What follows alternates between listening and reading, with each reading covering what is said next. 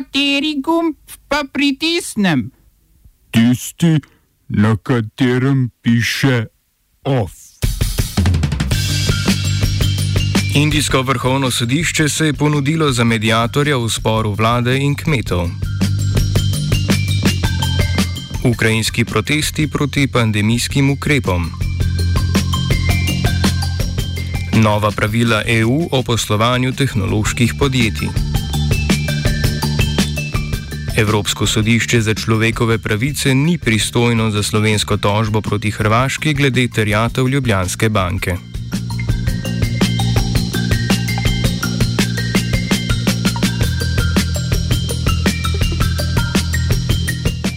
Indijski protesti se nadaljujejo. Poleg kmetov, ki že tretji teden intenzivno protestirajo proti trem zakonom o liberalizaciji kmetijstva, sedaj protestirajo tudi medicinske sestre, ki skupaj z reševalci v Vse Indijskem inštitutu medicinske znanosti protestirajo zaradi slabih plač in zahtevajo izboljšanje bolnišnične infrastrukture.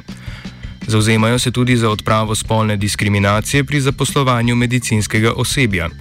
Modijeva vlada je izpolnitev teh zahtev obljubila že decembra 2019. Vodstvo bolnišnice je zavrnilo možnost pogajanja z osebjem ali izpolnitev njegovih zahtev. Da bi prekinili tritedensko kmečko stavko, ki postaja vse bolj množična, pa je Vrhovno sodišče Modijevi vladi in kmečkim sindikatom predlagalo takojšnjo ustanovitev medijacijske skupine pod vodstvom sodišča. V vabilu so opozorili, da je propadlo že pet krogov pogajanj med vlado in sindikati. V petek je Indijski kmetijski sindikat na vrhovno sodišče vložil pobudo za razveljavitev teh zakonov, čež da so neveljavni, saj niso bili sprejeti po pogajanjih s kmeti. Poleg tega je zakone sprejel le spodnji parlamentarni dom, medtem ko je zgornjemu, v katerem ima večino glasov opozicija, predsednik Narendra Modi preprečil glasovanje.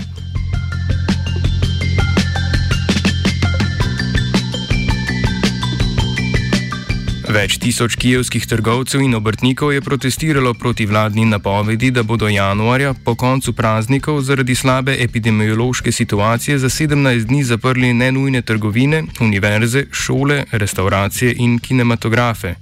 Poleg tega je od 19. decembra napovedana prepoved zbiranja večjih skupin v šolah, restauracijah in prostorih za prostočasne dejavnosti.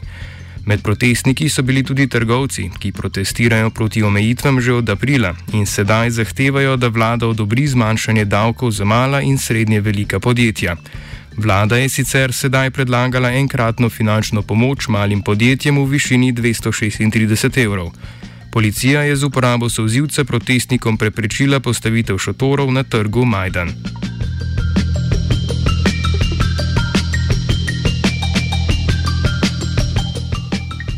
Evropska komisija je predstavila osnutek novih pravil poslovanja velikih tehnoloških podjetij oziroma posodobitev 20 let starih pravil regulacije digitalnih storitev. Tako imenovana Digital Services Act in Digital Markets Act sta usmerjena proti velikim podjetjem, kot so Google, Facebook, Amazon, Apple, Snapchat, Alibaba in podobna. Varoval, varovala pa naj bi konkurenčnost in preprečevala monopole digitalnih podjetij. Med sankcije za kršenje pravil o konkurenčnosti so vključili možnost začasne izključitve z trga Evropske unije in plačilo kazni v višini do 10 odstotkov celotnega prihodka podjetja. Po novih pravilih bodo ta podjetja drugim podjetjem dolžna dovoljevati prodajo izdelkov po različnih cenah na različnih platformah. Poleg tega morajo uporabnikom omogočiti odstranjevanje vnaprej nameščenih aplikacij ali programske opreme.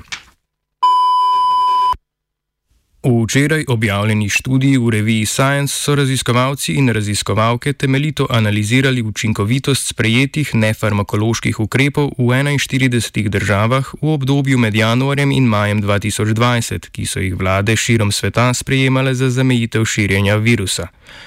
Izdatna statistična analiza in modeliranje velike količine dostopnih podatkov iz različnih držav sta pokazala, da so učinkoviti ukrepi tako zapiranja gospodarskih dejavnosti, kot tudi prepovedi zbiranja v večjih skupinah, saj vodijo k znatnemu zmanjšanju širjenja.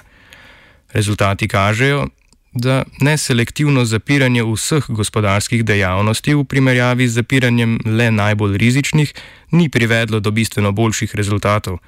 Tudi ukrepi, ki pozivajo ljudi k zadrževanju doma, ne prinesejo bistvenega dodatnega izboljšanja in so tako manj učinkoviti.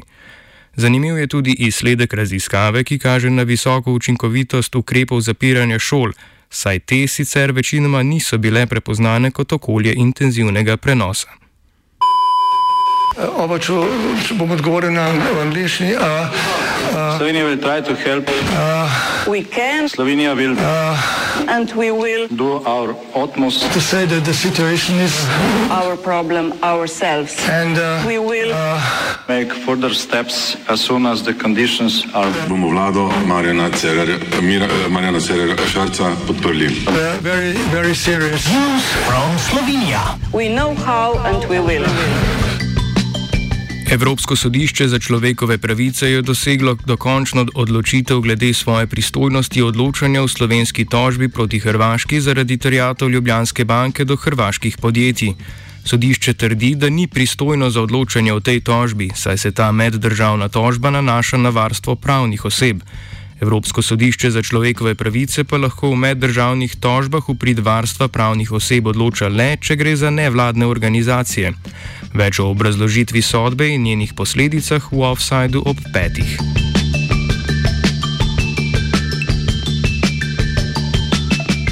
Nova predsednica zdravniške zbornice Slovenije je postala Bojana Beovič. Ta je s 54 odstotki glasov v drugem krogu volitev premagala nasprotnico Tanjo Petkovič.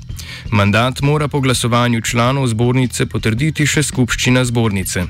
Beovičeva napoveduje, da se bodo njene obveznosti v vlogi vodje posvetovalne vladne skupine za pandemijo zmanjšale do prevzema vodenja zdravniške zbornice, ter da jo bodo na mestu svetovalke obladovanja pandemije postopoma nadomestili drugi.